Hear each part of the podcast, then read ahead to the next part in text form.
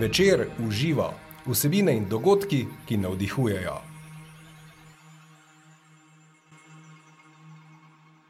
Dobrodošli in dobrodošli v novi epizodi podcasta Večer uživa.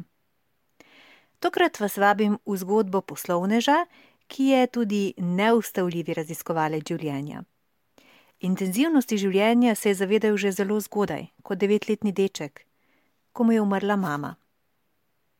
Ta dogodek me je zaznamoval, hkrati pa je bil največje darilo, saj me je potisnil na pot samoraziskovanja, pravi o svoji preizkušnji moj tokratni sogovornik. Nec Volarič je človek več talentov, uspešen poslovnež in avtor zanimivih programov ter metod za osebno rast. Dobrodošel. Zdravo, Maja. Hvala lepa za tvoje povabilo. Sem se z veseljem odzval, ko sem videl tvoje sporočilo. Uh, tako da super, me veseli, da sem tukaj da bomo tudi preko vašega medija, da bom tudi preko vašega medija lahko uresničeval svoje poslanstvo in predal sporočilo uh, javnosti in širši množici. In o tem se bomo tudi danes pogovarjali in se fulj veselim. Krasno, hvala, Nec. Uh, kje smo te ujeli? Ni, nisi doma, ne? Uh, ne, ne, trenutno sem na Slovaškem, v Bratislavi. Mm, poslovno, verjetno. Ja, poslovno. Tako. Poslovno. Skratka, dinamično življenje imaš, uh, uh, tako polno. Ne? Je to bi lahko rekel, da je to življenje, ki si, si ga vedno želel, tak, takem nekem dinamičnem ritmu. Uh, ja, ja vedno, vedno sem bil dinamičen, vedno sem se ukvarjal z nekim športom, vedno sem tekel, uh, vedno sem bil aktiven v nogometu, v, na, na vseh možnih področjih. No? Tako da, ja, neka di, dinamika je, tudi oven sem, oni smo bolj taki uh, kako bi rekel, zaletavi ali taki ognjeni. No? Ognjeni, ja. Uh, ja, tako da to je nekako moj, uh, moj tist, uh, uh, način dela, no? tako da sem uh mhm. -huh. vse posod in da, nekak, da moram biti primerno, skozi se mi mora nekaj dogajati. Uh mhm. -huh. Dobro, to.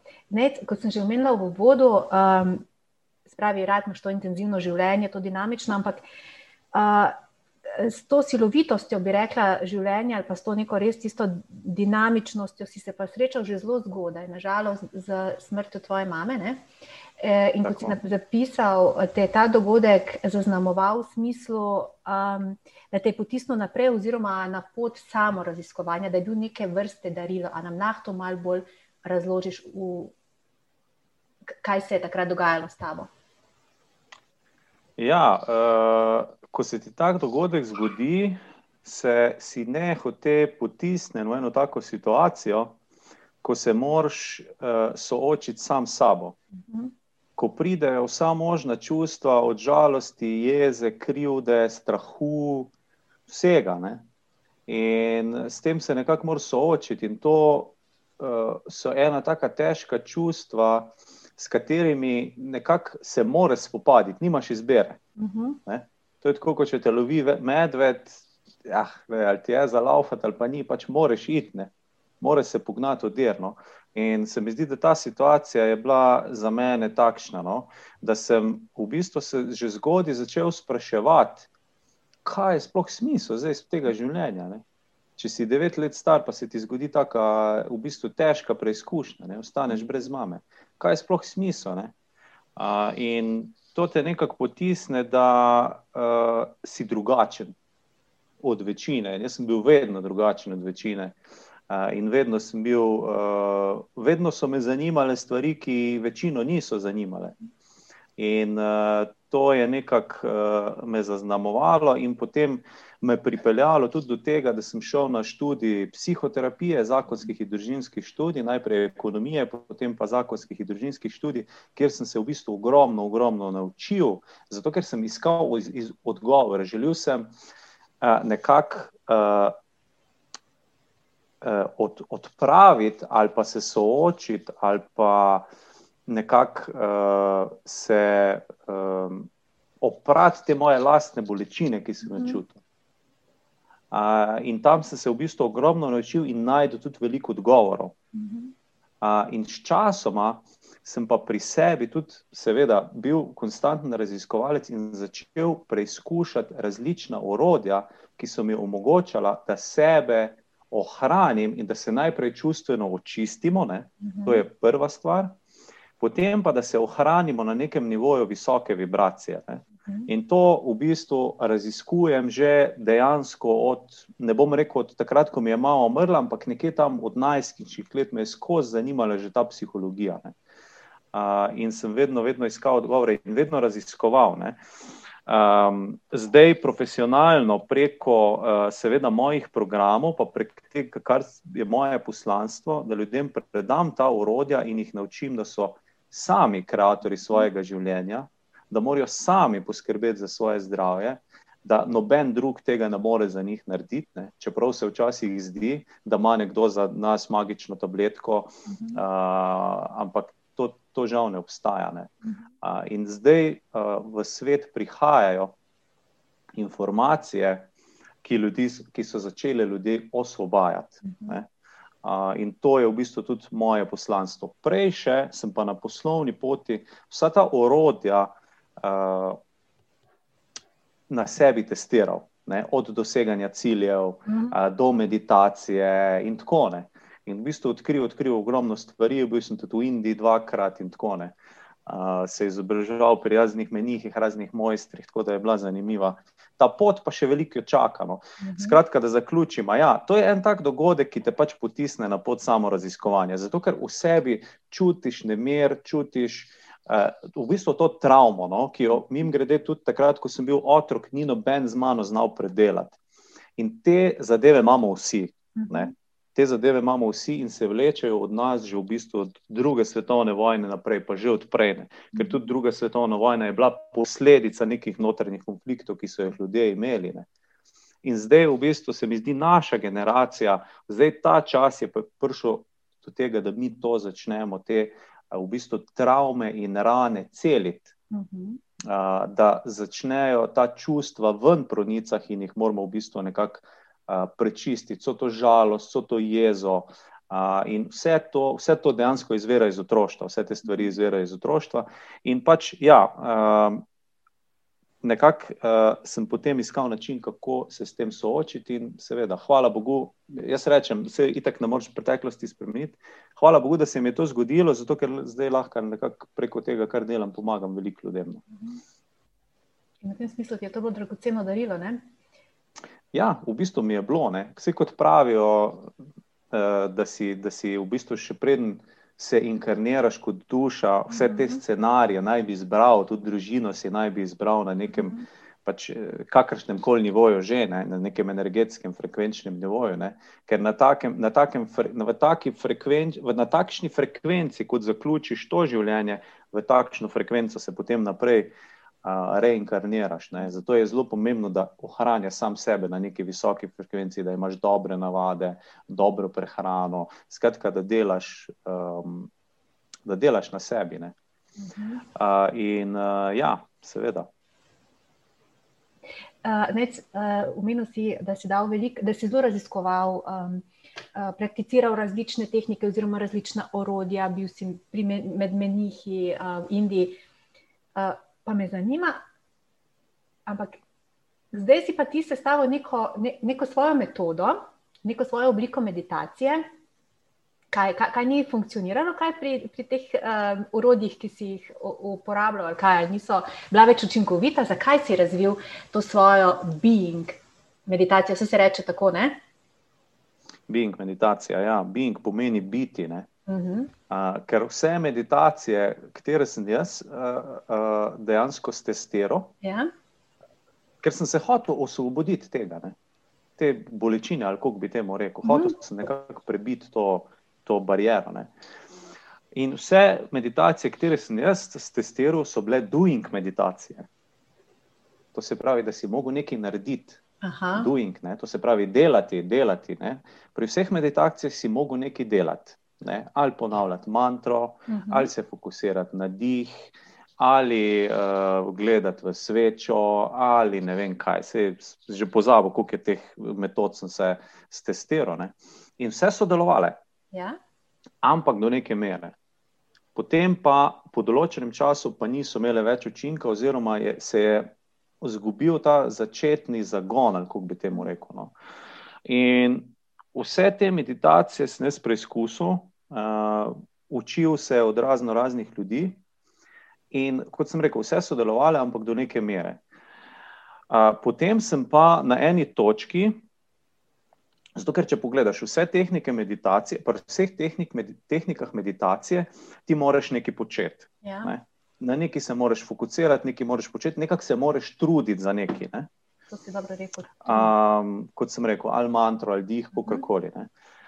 In ko to delaš, ker cilj meditacije je pa, je pa ta, da ti v bistvu umiriš sebe, čist Mhm. po- poenostavljeno, da umiriš sebe, oziroma da se tvoja miselna aktivnost umiri, oziroma v najboljšem primeru, kar je tudi cilj meditacije, da v bistvu prenehamo z miselno aktivnostjo. Ne. Mhm. Ker mi smo skozi tukaj gor.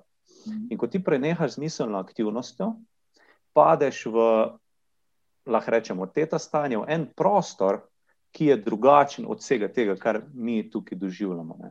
In takrat se povežeš in si, in si v bistvu tvoje telo je primeru, tvojih misli ni, ampak ti še vedno si. Ful je zanimivo, ne? ful je zanimiv občutek. Ne? Mhm. In kot da nimaš več telesa, kot da ni več teh misli, ampak ti še vedno obstajaš. In potem začutiš en del sebe, ki se mu reče bitje, oziroma biti. Ne? Um, nič ne delaš, ampak še vedno si. Ful, tak zanimiv Mhm. občutek. In potem ugotoviš, dejansko sam občutiš, da si več od tega, kar vidiš, da si več od svojega telesa, da si energija, da si neskončen, da si nesmrten. Ne? To, kar v bistvu vsa ta, vsi ti verski spisi, ali je to iz Indije ali je to iz krščanstva, opisujejo. Ne? In ko, ko spoznaš, da to si, potem uh, spoznaš, da tudi smrti ni. Da umre samo tvoje fizično telo. To tudi, kar vede, pravijo iz Indije. Ne? Da ti nikoli ne moreš umreti, zato ker si energija in tudi v fiziki energije ne moreš jo uničiti, ne moreš jo ustvariti. Energija je vedno tam, lahko je samo, pre, uh, to se pravi, transformiraš, ne? Mhm. spremeniš iz ene oblike v drugo. Ne? Uh, in tudi, ko mi umremo, umre samo fizično telo in dejansko pride do transformacije energije. Mhm. Zdaj sem malce zašel iz tistega prvega začetnega vprašanja, ki sem že pozabil, kaj je bilo. Aha, prbing meditacije. Ja. Tako. No, in, in jaz sem se trudil s to meditacijo, trudil, pa trudil, pa trudil, pa meditiral, in to je bilo v bistvu tlele, v bistvu blizu tega, eh, blizu tlele, ko sem zdaj na Slovaškem, bilo je na Češkem, v Pragi. Jaz meditiram in si rečem, kaj pa če se jaz čist preneham truditi, pa se sam prepustim. Ja. Ne? In sem se samo v bistvu prepustil. In sem odstranil vse te doinge, ne? Mhm. vse to, vse ta trud, za katerega sem se trudil, da bom jaz tja meditiral. Mhm. In sem se prepustil, in takrat se je zgodil nekaj zelo zanimivega. Čez, ma, čez mene je v bistvu stekla, uh, stekla ogromna količina energije in me začela polniti, polniti, polniti. A veš, ko imaš celo, celo telo mravljinčasto in sem čutil, kako se je ta energija zlila v moje telo, potem pa še nekako okoli mojega telesa, kot bi rekel, da je napolnila še moje energijsko telo. In takrat sem ugotovil, ok, zdaj sem odkril nekaj, kar je nekaj čist drugačnega. In potem sem to naprej razvil in testiral, in sem v bistvu ugotovil, da je to vsaj za mene najpreprostejša in najoblika, najučinkovitejša oblika meditacije na svetu, zato ker samo si. In potem sem spoznal še veliko ljudi, ki dejansko meditirajo na ta način. Ne? Mhm. uh, en moj kolega tudi. In on mi je tudi rekel, da bistvo meditacije je, da se ti sprostiš, Mhm. da ti odstraniš vse te doinge, ki jih imamo v glavi, skozi nam kluvajo. Ne moram to, pa moram ono, pa moram to. V bistvu ne, nič ti ni treba. Tako. Ker kaj ti, recimo, da se urežeš v roko, ne? kaj potrebuješ narediti, da se to pozdravi? Nič ne rabiš narediti. Zato, ker telo je samo zdravilni mehanizem in se sam pozdravi. Ne? Tudi ko zbolimo, kaj se zgodi?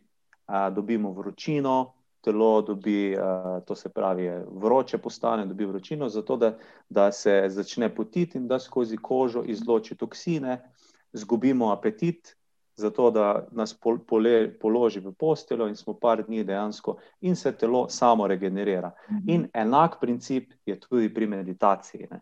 Ker mi imamo ta, v bistvu to miselno že zadnjih ne vem koliko deset, ne vem koliko let, no ne bom rekel, že zadnjih ne vem sto let recimo, najmanj, ali pa zadnjih ne vem, pet tisoč let, da moramo nekaj skozi početi. Ne? In tudi v meditacijo se je nekako to preneslo. No? Mhm. V being meditaciji, being pa pomeni being, da Biti. si, da obstajaš. Ne?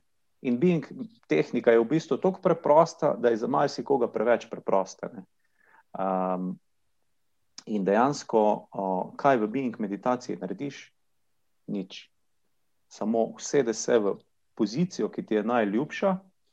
Uh, in uh, dejansko se prepuščiš. Seveda je nek uvod, pa nek teoretični Mhm. uvod, ki ga jaz na začetku naredim, pa ljudi seveda vodim v ta proces, ne, ker je uh, za marsikoga preveč preprost, pa preveč akstra, abstraktn. Ne. Mhm. Ja, kako zdaj to narediš? Če, mi, če so nam pa skozi govorili, da moramo zdaj to mantro ponavljati, pa to delati, pa ono delati, pa točno tako sedeti, ker če ne bomo tako sedeli, nič ne bo. In potem se samo s tem obadamo. In kaj, se, kaj je posledica tega? Ne moramo umiriti um, naš um je aktiven Mhm. ne, ker skozi neki, skozi neki melemo. Tukaj pa dejansko vse pustiš pri miru in se um sam umiri, tako kot se luža.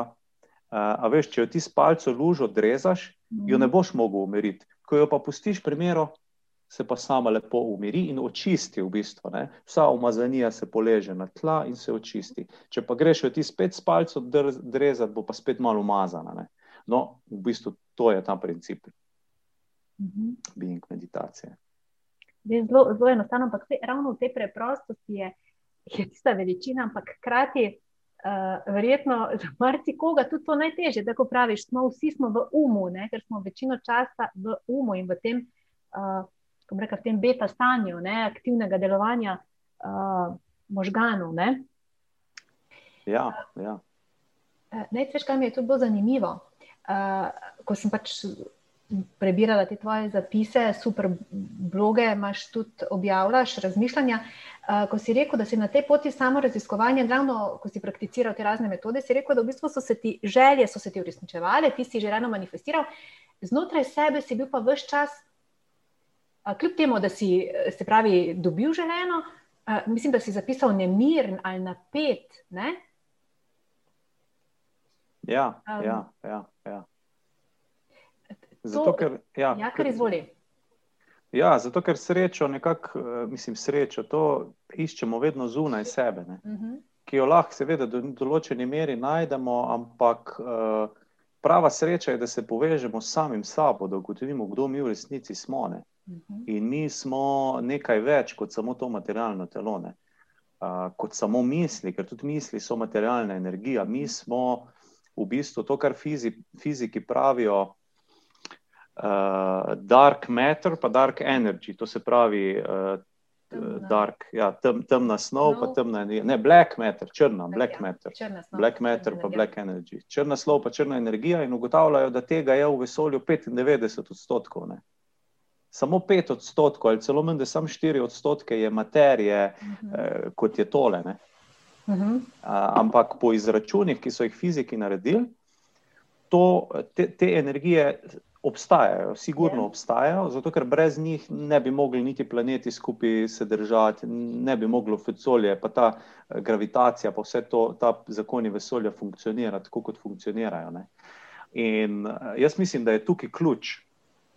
Ker ko se pa mi odklopimo od uh, tega 3D sveta preko Ja. ja. meditacije, v bistvu, ne, Mhm. Po vem, 15 minutah, 20 minutah, ko smo pri miru, eh, se nekako cel sistem umiri in začutimo nekaj drugega. Ne. Mhm. In kot sem jaz raziskoval, vsi ti veliki ljudje iz zgodovine so nekako imeli dostop do te sile, Mhm. do te skrivnostne sile, ki, ki ima tisoč imen. Ne. Od Allah do Bog, do Či, do Prana, do ne vem kaj še ne. Vsak eh, vesolje dan danes rečemo. Ne. Ali pa Ampak to kvantno je vse polje, ena- Ali pa kvantno polje. Ja. To, to, to ima zelo veliko pač imen.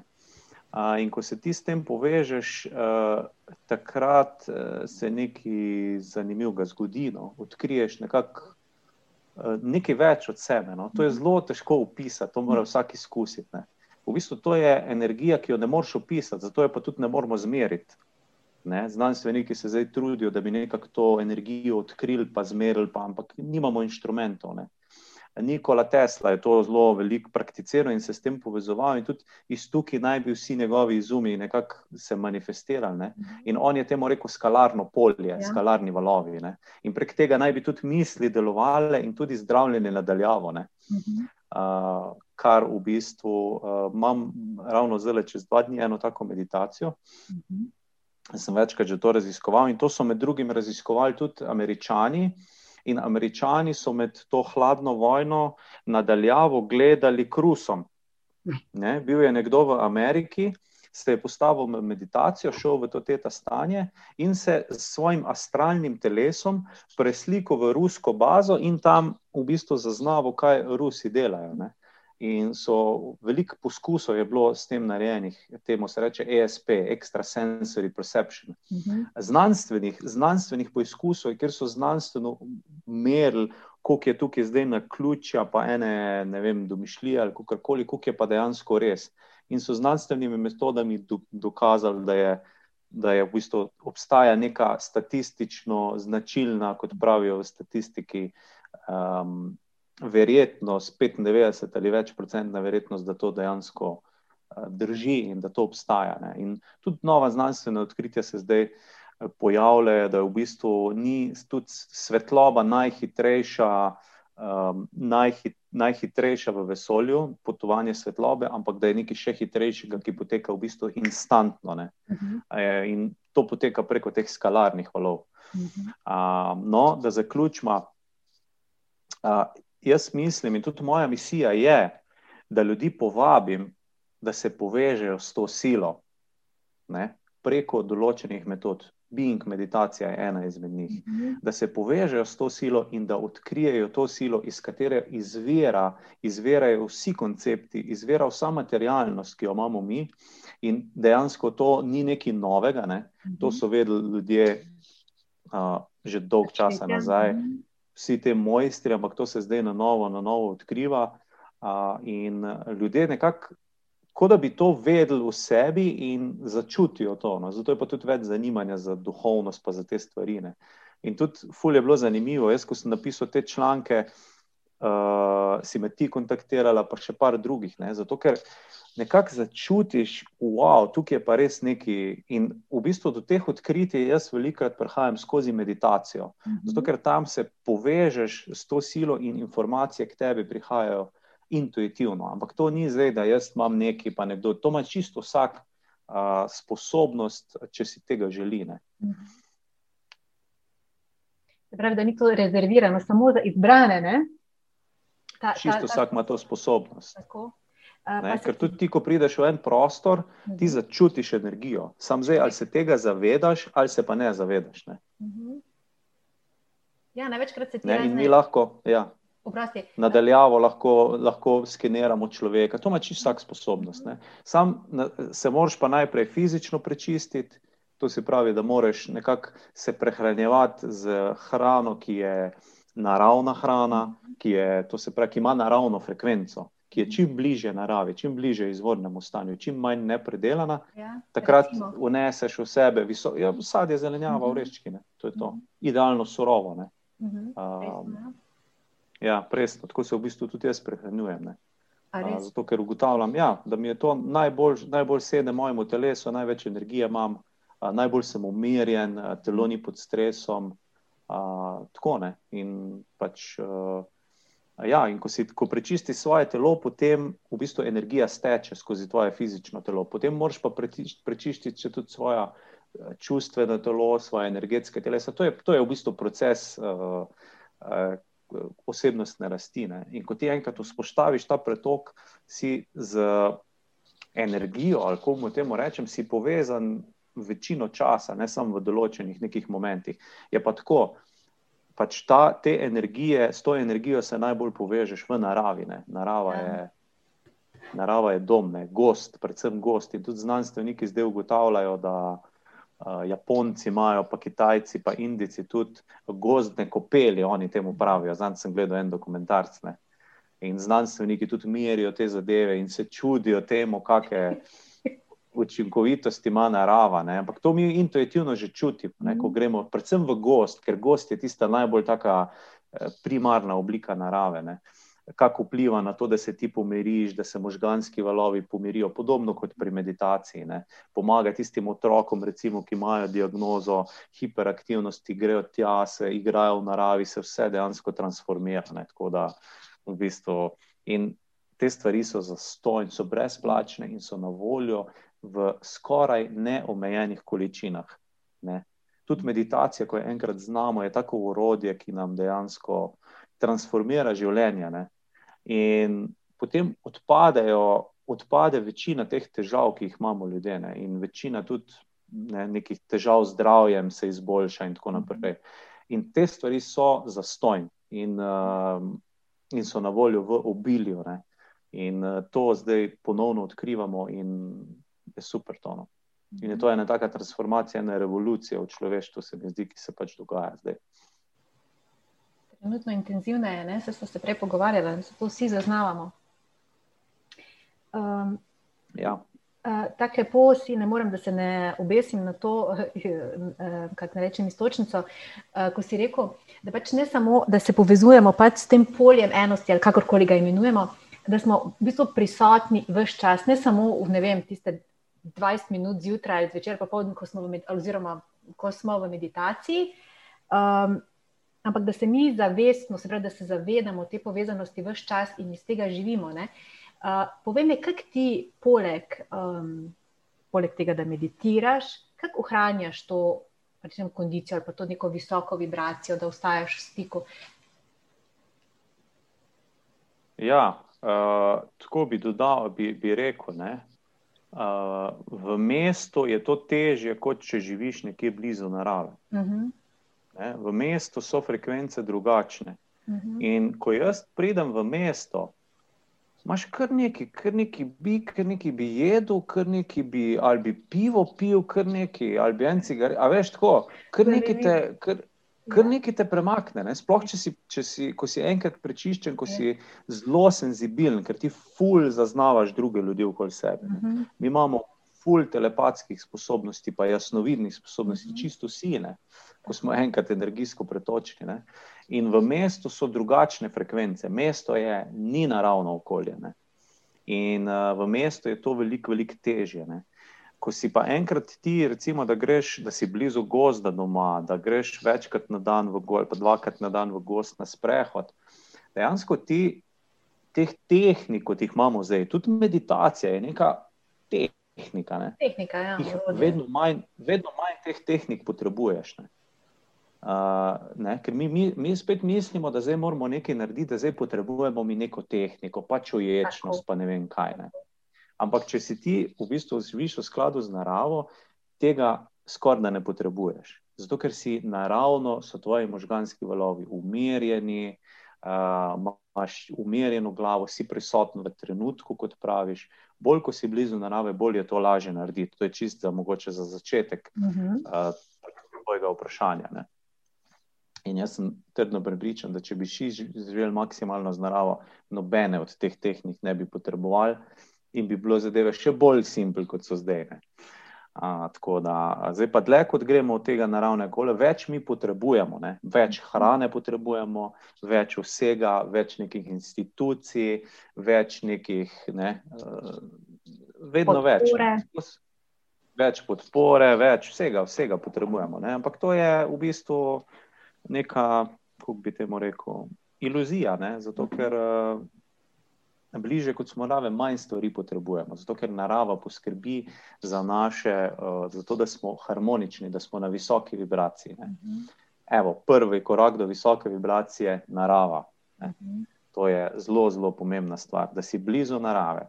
Potem, na kar se na to navezuje, je prehrana. To je zelo, zelo pomembna stvar.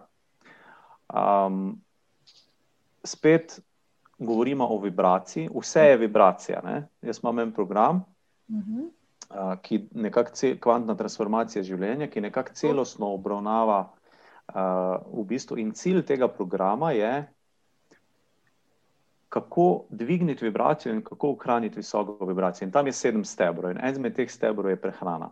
In vse je vibracija, ne? vse je energija, ki vibrira z določeno frekvenco. Ne? Ta kozarec je pač taka energija, trdna energija, zato ker je enaka energija, kot so naše misli, ali pa kot je recimo tale luč, Uh, ampak vibrira po drugo frekvenco in je v drugi obliki. Uh -huh. No, in da ti ohraniš uh, visoko frekvenco, visoko vibracijo, moraš tudi jesti hrano, ki je na visoki vibraciji.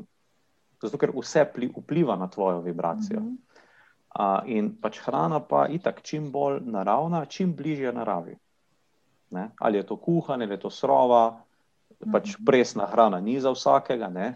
ker to je proces parih let, preden ti telo prečistiš in nekako navadiš na to. Tako da to je vsak more pri sebi ugotoviti. Ne? Uh, ampak definitivno pa hrana, ki je najbližje naravi, to se pravi sadje, zelenjava, to je to. Ne? V bistvu zelo, zelo simpeljne. Um, bolj kot je to naravno, boljše je, na višji vibraciji je. Uh, imamo pa seveda, če gremo mi iz neke.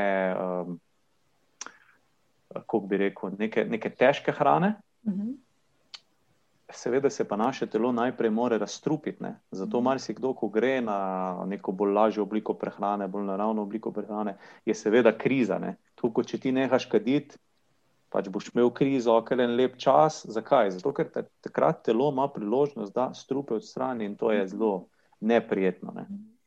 To se pravi prehrana. Evo na hitro. Potem vsakodnevno gibanje, kar je povezano v bistvu tudi z naravo. Ne. Vsakodnevno gibanje, najmanj, ne vem, minimalno 30 minut hoje na dan, ali pa hitre hoje na dan. To je, to je minimalno, ne. idealno pa eno uro. Uh, tako da to potem branje. -hmm. Jaz vsak dan berem, a, ampak to ne kar eno literaturo, ampak to, to, tako, da te, da te dvigne. dvigne da, te dvigne. -hmm. Da, je, da, je vis, da je visoka vibracija že v samih črkah zapisana, -hmm. ker vse je energija. Tud, a veš, ko greš ti tam le v tisti, eh, kaj je že v Louvre, francoski, tist, uh, ko, ko so slike. Ne? -hmm. In ljudje tam hodijo in gledajo slike, mm -hmm. in jim je tako zanimivo. Ne? Ja, zakaj? Zato, ker je v slikah je določena energija tistega avtorja zapisana. Ne? In ko si ti dovolj, ko ti začutiš to, ko si dovolj prečiščen, ti si sposoben izven časa in prostora zaznati njegovo energijo. Ne? In enako je z knjigo. Mhm. Ne? Enako je z knjigo. In če ti bereš res tako inspirativno um, tematiko, in mhm. pač recimo neke zgodbe o uspehu, um, in tako naprej, ne? nekaj, kar te inspirira. Ne? Mhm a, kar te v bistvu dvigne energijsko, te naredi bolj veselega, bolj, takega, bolj pogumnega. Ne? Predvsem biografije so take ne? um, o nekih uspešnih ljudeh. Običajno pri teh uspešnih ljudeh vedno so bili nekje na dnu, v nekih revnih družinah, mhm. potem so pa oni. Um, ne vem, se nekako dvignili iz tega in to te v bistvu inspirira, in si rečeš, da tudi, tudi meni lahko uspe. In ti da ti spogum na tej svoji poti rasti. Branje, evo. Uh, potem pomembno je, s kakšnimi ljudmi se družiš. Zato, ker ljudje smo takšna bitja, da se zelo hitro prilagodimo okolici. Zato, ker želimo ugajati, želimo biti ljubljeni, in um, vsi se bomo, v, ali pa zelo velika večina ljudi, se bomo prilagodili skupini. Zato, ker bomo želeli biti del skupnosti. Ne. In zdaj, če imaš okoli sebe ljudi, ki se pritožujejo, ki jamrajo, ki ne se ne da, vse brez veze, boš tudi ti se nalezel take vibracije. Ne? Zato, ker vsaka misel je vibracija, vsaka beseda je vibracija. Ne? Uh, in vsak namen je vibracija, in ti boš pač te vibracije nekako um, začel vibrirati isto kot oni. Tako da to je tudi pomembno. Pol pa seveda pri sebi moraš ti tudi razpucati, kakšne misli imaš ti, -hmm. kako ti funkcioniraš. Ampak misli in te zadeve so samo posledica teh, teh, teh par stebrov, kot sem jih zdaj naštel. Ne. So samo posledica tega. In če, boš, če to upoštevaš, potem bo tvoja vibracija na visoki ravni in tudi misli bodo potem na pravi ravni. Ne. Je pa seveda proces uh, osebnostne rasti, je pa seveda tudi uh, je tako. Včasih moraš stopiti par stopnic nazaj, da jih lahko stopiš par naprej. Greš po zalet, ne? Ja, več let, seveda. To je proces, Ja, ja. večletni proces. Ja, Ne pravim, greš po zalet. Malo na tri nazaj, pa dva, po zalet. Ja, ja, Zalet. ja. Dva koraka nazaj, ali kak pa tri naprej. Ne? ja tako, tako. Včasih je tudi to potrebno. Ja. In takrat se ne ustrašiti, pa ne obupati. Ne? Marsikdo, um, sploh na začetku te poti raziskovanja, ko si, ne? vsak, vsak nek zdrst te lahko zmoti v smislu, da, da ne ustrajaš naprej. Ne? In hitro padeš v Ja. neke stare vzorce, eh, neke stare oblike ne? življenja. Ja, zdaj, vsaka izkušnja te pelje naprej. Ne? Ali je to dobra ali slaba izkušnja, ker vsake izkušnje se nekaj naučiš.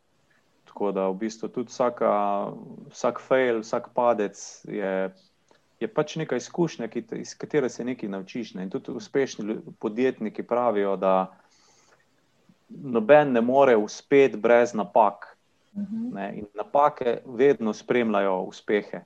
mhm, Tako da, če želiš uspeti, v bistvu moraš delati čim več napak, ne? pa čim več stvari sprobati. Pa jaz vedno na vsakem programu vedno rečem mojem, ne meni verjeti na besedo, nikoli nobenemu verjeti na besedo. Zato, ker vsak vam bo druge stvari rekel.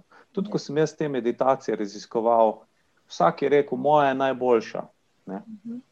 Oni ne vejo, kaj govorijo. Ne? Ali pa to ni, ni, to ni tako dobro, ta je, to je višji level. Ne? Potem sem se pa direkt z drugim pogovarjal, pa on za istega rekel. Ja, ja, to, kar oni, ja, to je, pa vsi nekako iz Indije izvira. Ja, zdaj, in si vsak po svoje nekako interpretira te indijske spise. Ne? Ja, ta je, zdaj, ta je višji level, kot una, una ni. Ne? In to moraš delati, pozapuno. Mhm. To je tako, kvazi, kdo ima zdaj prav? Je v bistvu noben, ne? pa oba. Zato, ker uh, ni sploh fora, da bi se primerjali, kaj je zdaj boljš, pa kaj je slabše. ne. Odvisno, kaj, veš, ti imaš hrib in ti lahko imaš več poti na. Tako. Jaz sem včasih v Ljubljani živel na Šmarno goro, ima še ne par potine. Uh, jaz sem šel po tisti, ki je bila malo bolj strma, pa sem bil prej gorne. Mhm. Eni grejo po tisti čist eh, ne, eh, položni. Ne. Zdaj, kaj je boljše? Oboje je. Ne.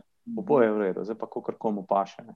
Tako da sem v bistvu ugotovil, da to neko primerjanje, boljše, slabše, to je nad tem, to je ono, je, to je ni, ni kontraproduktivno. Ne. Mhm. A, tako da, ja. Ja, me zdaj zelo preseneča. Ne, ne, super je, ker uh, si mi dal tudi malo uh, en, en namik, v smislu, zanimivo je, da znotraj tega polja ljudi, ki se ukvarjajo z duhovnostjo, uh, praviš, ti si naletel na ljudi, ki so ti. Ne, ki se neki nekako primerjajo, kaj je boljše, kaj ni boljše. Ne, tak, zelo ego govori iz njih, ne? z nekimi primerjavami, katera meditacija je boljša ali pa katera je bolj učinkovita.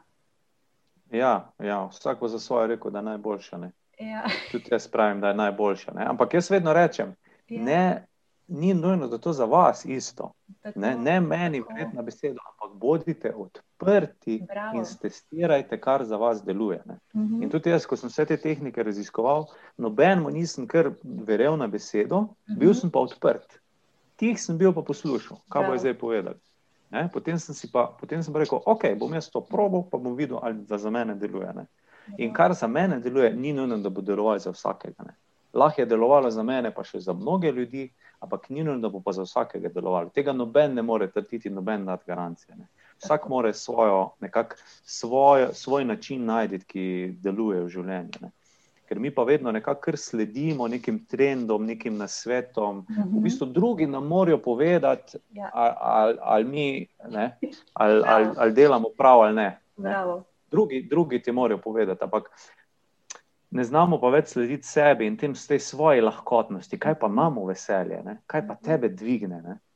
uh, kaj pa tebe razveseli. Ne? In to smo znali delati kot otroci. Ko smo bili tam do 5-6 leta, je tudi zanimivo, Maja, da, naše, da so naši možgani tam do, tist, do nekje 6 leta primarno v teta stanju. Ja. Ne? Tudi, ko, tudi v, v meditaciji si v Mhm. teta stanju, ne? če greš dovolj globoko. In takrat smo mi vedeli, kaj nam paše. Točno vedel si, koliko si moral pojesti, pa so te sil, pojej, pojej, Ja, pojej. ja. Ti si točno vedel, da vam ne morem Ja. več. Ne? Uh, in si točno znal si slediti energiji, ne? vedel si, kaj te navdušuje. Tako, ne. Potem pa skozi to našo socializacijo, sploh v šoli, mhm. pol v bistvu te pošljajo v en zapor kot enega vojaka in pač prideš tam zdaj med neke tuje ljudi, tam en učitelj pred tabo, ti diktira, cep, cep, cep, tole je vaš urnik, cep, cep, cep, cep, ko v nekem, neki vojski in ubijajo v bistvu to tvojo individualnost in kreativnost. Ne? Zato, ker en rad riše, en rad šraufa, en rad ono. Ne? Uh, in ja, tako je. Mislim, da je to prihodnost. No? Tudi veliko staršev, ko se z njimi pogovarjam, to ugotavlja. In je veliko več variacij, nekako zdaj, tudi šolstva. To, to se pač spremenja, stare strukture so se začele nekako spremenjati, transformirati. No. In kar je ok, to je čist napredek, evolucija. Mhm. Mirno id s tem, kako tako rečeš, prepustiti se. Ja, nekako slediti. Slediti lahkotnosti, ja. slediti lahkotnosti. Ker v, veš, v določenem obdobju uh, je, so določene stvari super delovale, ne? tudi ta mhm. sistem je super deloval, zdaj pa pač ni več tako, ne? je pač mhm. treba stvari naprej s časom in jih enostavno spremeniti. Pač to je čist en evolucijski proces. Uh, ne, uh, glede na to modrost, oziroma znanje, vedenje, ki ga imaš, me zanima, ta tvoj način življenja me zanima, kaj še sploh kaj prostora za strah pri tebi? Ja, seveda je, seveda je, je prostor za strah, definitivno. Um, strah je vedno prisoten, uh mhm. -huh. ampak uh, vedno delaš na strahu, pa vedno delaš na žalosti, pa na krivdi, pa na jezi. Uh, ampak se mi zdi, vsak lejer, ko odstraniš, uh -huh. je mhm. lažje, si povečaš svoje zavedanje in lažje odreagiraš v naslednji situaciji. Uh, ni tok, uh, to, da ne bi imel strahu, ampak kako se ti soočaš z njim. Ne? da gledaš na strah kot neko, nek tujek, ki je naseljen v tebi, ne? Uh, ki si ga dejansko skozi socializacijo uh, zelo veliko bil prestrašen, ne? zelo veliko v strahu. Ker edina dva stra, strah, strahova, ki jih mi imamo, je strah pred uh, višino, pa strah pred glasnim pokom. Ne? Vse ostalo je pa potem naučeno. Ne? In tudi, če, če gledaš, uh, kakšne eksperimente, kako so delali, recimo, je bil en mali dojenček, pa je bil zajček in on se s tistim zajčkom igral, fino, super zajček. Potem so dali pa še enkrat zajčka, pa zraven glasen pok. Ne? In on je tisti glasen pok povezal z zajčkom. In potem naslednjič so mu dali pa samo zajčka, brez glasnega poka, in se je on bal zajčka. Mm. Ne, in to imamo ogromno enih strahov, tudi pred, pred živalmi, tudi pred ne vem, nekimi medvedi in to. Uh, Veliko vidimo v medijih, ampak v bistvu živali se nas bojijo. Ne. Zato, ker kaj delamo v bistvu z njimi, pa jih streljamo in to. Pač živali to vse čutijo. Ne. In v bistvu strah, večina strahu, ki ga mi čutimo, je naša, je naša lastna kreacija. Ne. In to pa v bistvu pride zato, ker naš um ni obvladan. In neobvladan um je, kot v bistvu en podivjan pes. Mhm. Imáš dva psa, imaš psa, ki je lepo streniran, si ga da v mhm. šolo, mu rečeš, pridi sem, imaš lazi na sprehod, ne vlečete na povodcu, ne? Mhm. dejansko ti peleš njega, ne on tebe. Ne? Pol imaš pa psa, ki je pa podivjan, ne? pa neozgojen in je pa kar skače. Pa tja, pa unga psa vidi, pa laja, pa lula vse posod, pa vlečete, pa se dereš na njega, pa ne pride nazaj. In to je v bistvu naš neobvladan um. Ne.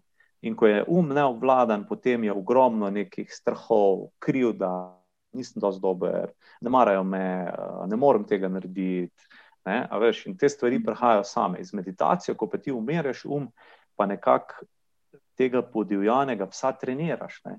in lahko ostajaš miren in lahko ostajaš opazovalec v tem uh, šovu življenja.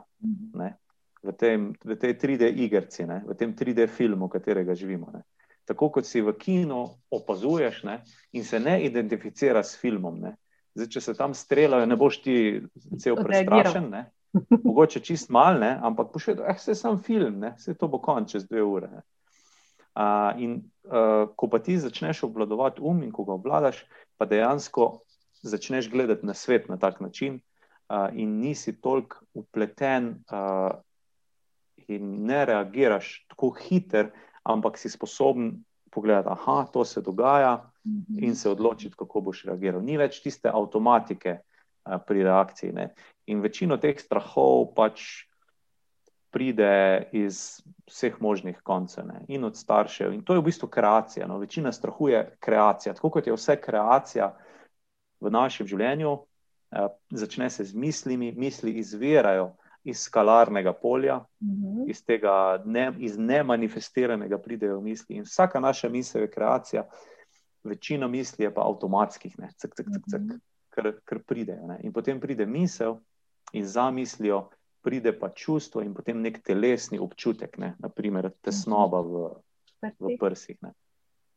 In uh, če imamo mi neko travmo od zadnji, kot sem jo jaz imel, je velikrat ta reakcija tako hitra, zato ker se gre za preživetje. Ne? Tudi če ti bo zelo videl tam medveda ali pa nekaj, da te bo napadlo, ne boš, ne boš, zdaj, ne boš imel časa uh, razmišljati, ne boš sam pičil, pustil vse za sabo, pa leto. Ne?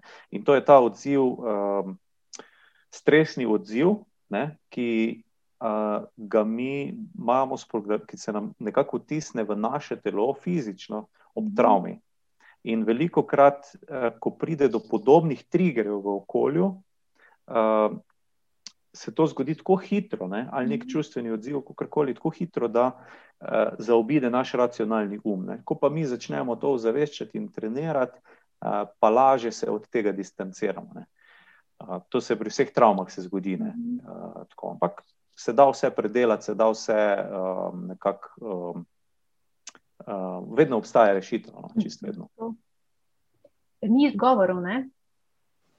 Ne, ni izgovorov in vsak je odgovoren za sebe. Ne. Noben, uh, pač noben te ne bo pozdravil. Ne. Mhm. Noben, noben zdravnik te ne bo pozdravil, noben zdravilc te ne bo pozdravil. Sam si odgovoren za sebe. Mhm. Oni so samo posredniki, noben, mislim, ti boš mogel. In mi imamo usodo, ne vedno v naših rokah, ampak mhm. imamo jo pa do neke mere, ki jo lahko kontroliramo. In mi moramo vse narediti za to, da uh, bomo živeli dobro. Uh -huh. uh, in kar se fizičnega zdravja tiče, kar se mentalnega zdravja tiče, uh, ne smemo čakati na nekoga, da nas bo pozdravil. Ker mhm. tudi no, nobena bolezen in nobena mentalna ali pa fizična bolezen ne pride kar tako.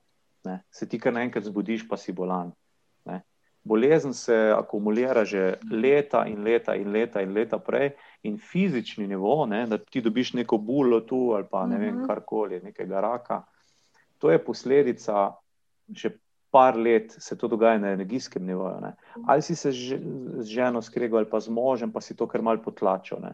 Ali eh, si v službi tam, pa te vsi nervirajo, pa si mal potlačil, ker imaš krivdo, že od staršev se nisi upal razjeziti, zato ker so te vedno kregali, ko si se razjezil. Ne.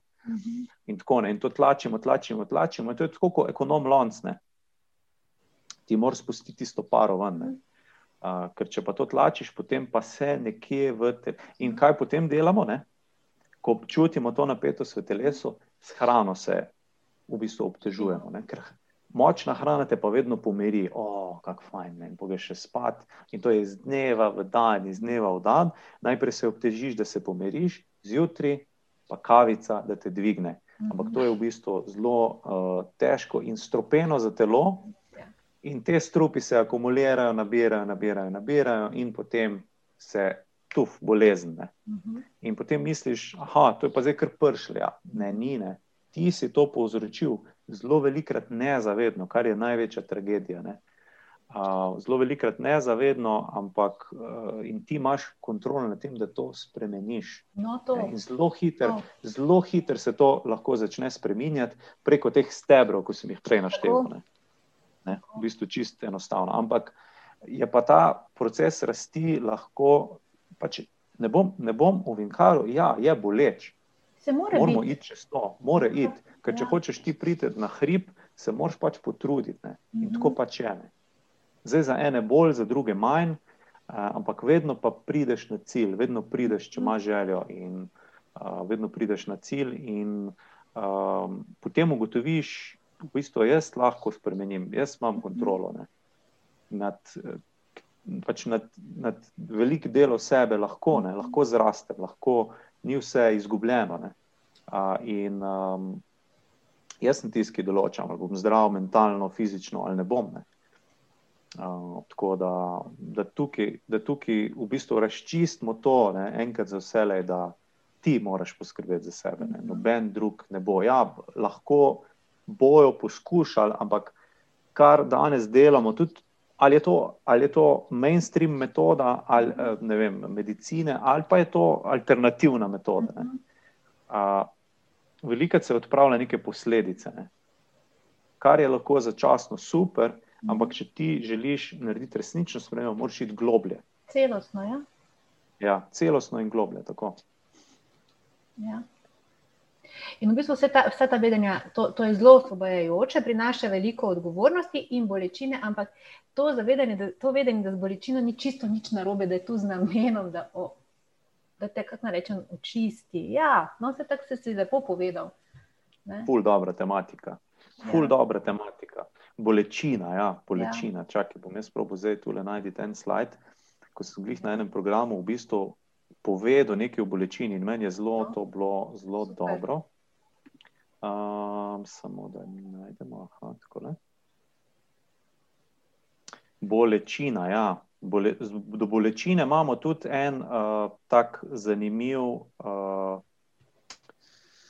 zanimiv odnos. Ne? Ja. Ker bolečino mi vedno gledamo kot nekaj slabega, uh mhm. -huh. kot nekaj, kar moramo bežati stran. Ja. Ampak v bistvu, jaz pravim tako, bolečina je samo zdravljenje telesa. Ali je to na fizičnem nivoju, ali pa je to na psihičnem nivoju. Ne? Ker, kot smo prej omenjali, imaš ti zboliš, ne, recimo po zimi, zbolimo, um, ne, uh, kihamo, kašljamo. Kaj se takrat zgodi? Ja, telo dobi mogoče vročino, te položi v posteljo in kaj takrat telo dela, samo zdravi se. Ne. Nič druga, ne. ni to nekaj strašnega, proti čemer se moramo pa mi z vsemi možnimi uh, topovi boriti. Uh, in tako kot smo rekli, če se ti urežeš, kaj moraš narediti, da se rana zaceli, ja, nič, sama se bo zacelila. Ne?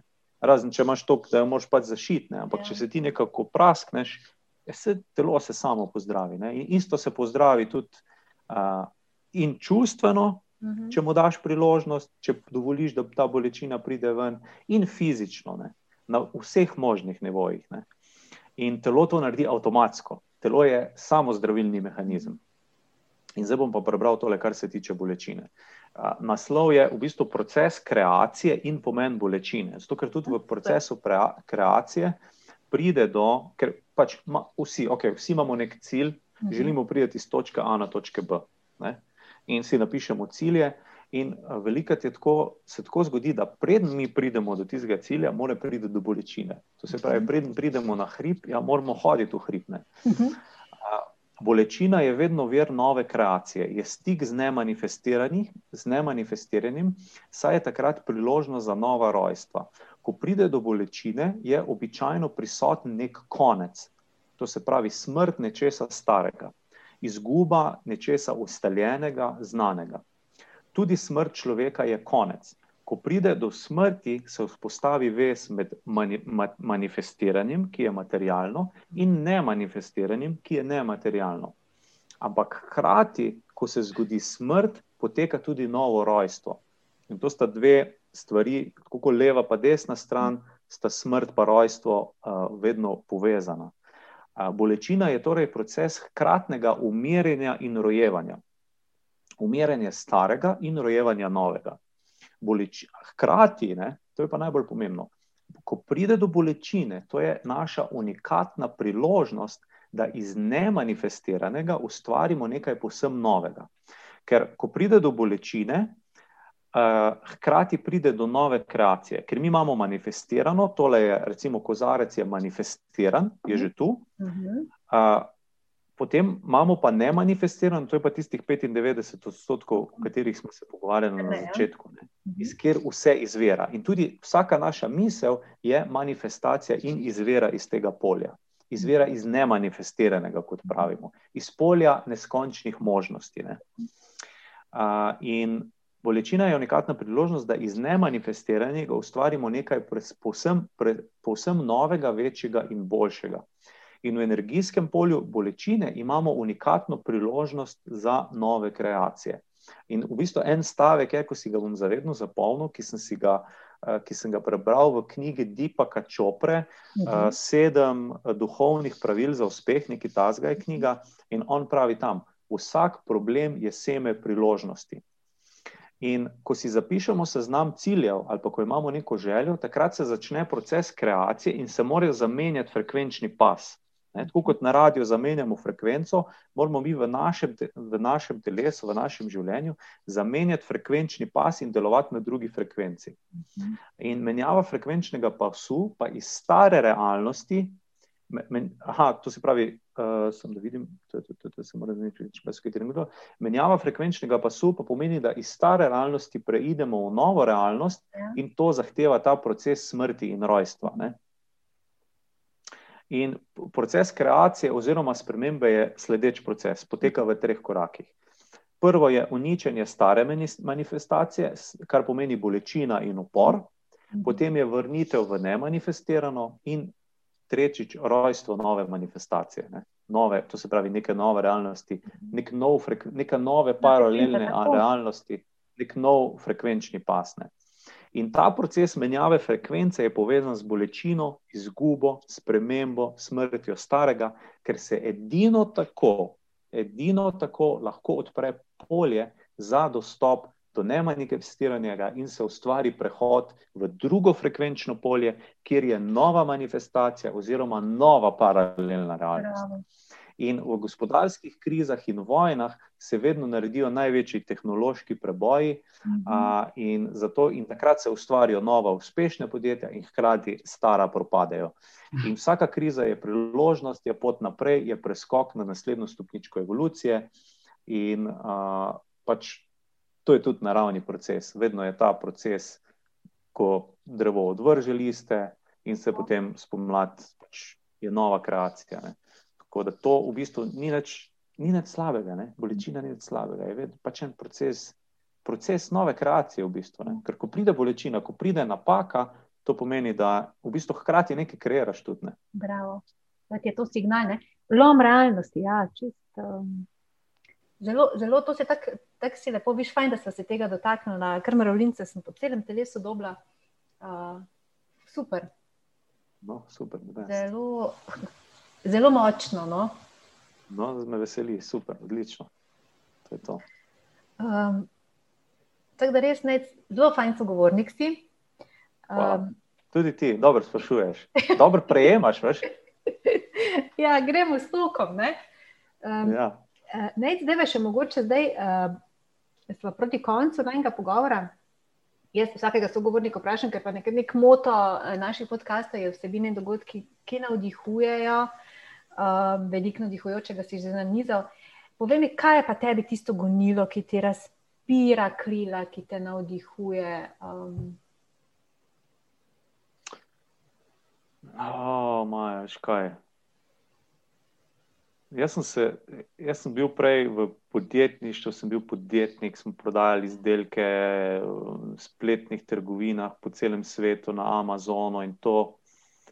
In takrat sem rekel, takrat mi je bilo tako, da ja, vse smo lahko mi ful uspešni, pa ne, finančno ali kako koli, pa prodamo veliko nekih izdelkov, ne, ampak ti prodaš en izdelek nekomu, neko kremco ali pa neko mhm. zadevo, ne?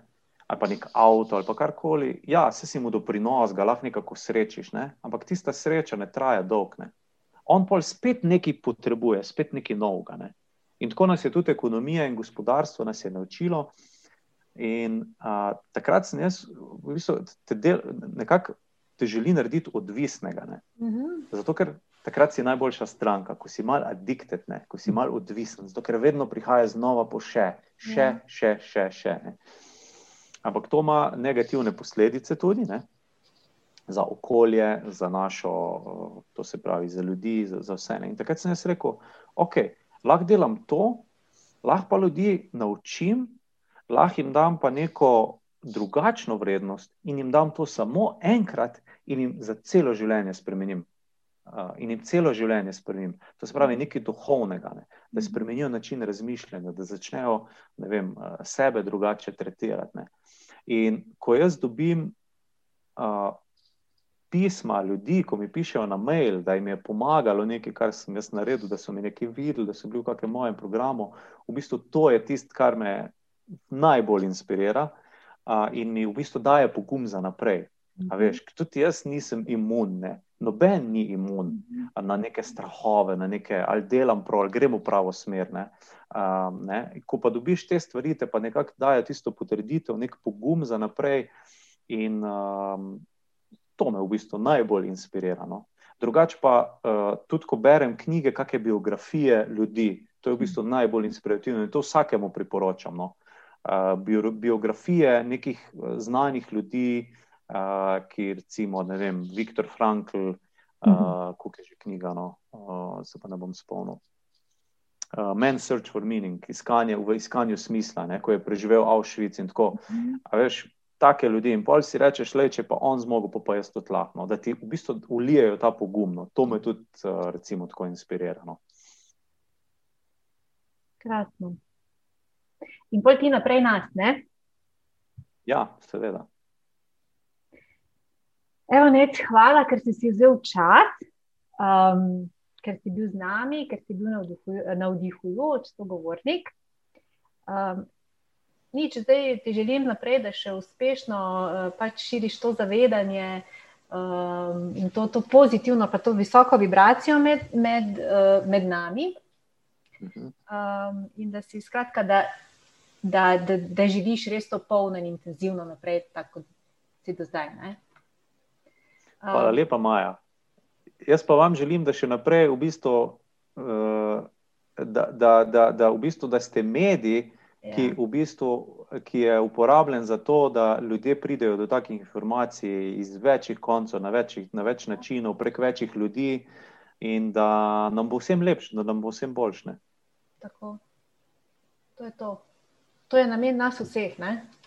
Ja, tako, tako, tako. tako. Ker če bomo vsi živeli v tem frekvenčnem polju, ne, v ja. tej frekvenciji, ne bo dobro samo za nas, ampak celotno okolje se bo transformiralo. Ne? Če se bo celotno okolje transformiralo, se bomo mi sprehajali, pa bomo mi živeli v takem okolju. Ne? Ker ja. bomo vsi se pogovarjali, kaj lahko zdaj naredimo za neko skupno dobro, ja. kako lahko v bistvu pomagamo en drugemu, kaj je zdaj tisti najboljši način, da bomo vsi bolj zadovoljni. Ne? To je v bistvu to, kar nas vse dviguje. Ne? Že sam, ko govoriš o tem, je tako, wow, nekaj je fajn, jaz bi tudi nekaj tazga. Ne? Mm. Ja. Res vedno več nas je takih, ne, vedno več, ne samo, da se dostopa do teh tem lažje, kot se je nekoč. Ne. Ljudje se prebujajo, v enem prelomnem času smo, to je tudi dejstvo.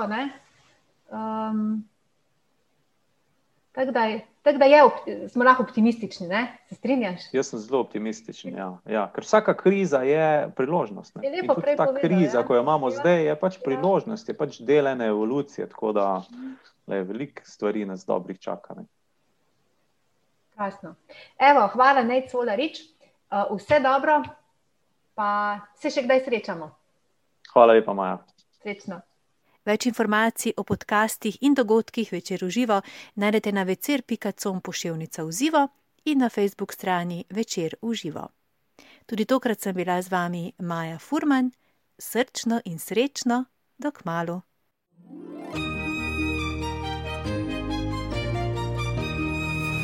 Večer uživa vsebine in dogodki, ki navdihujejo.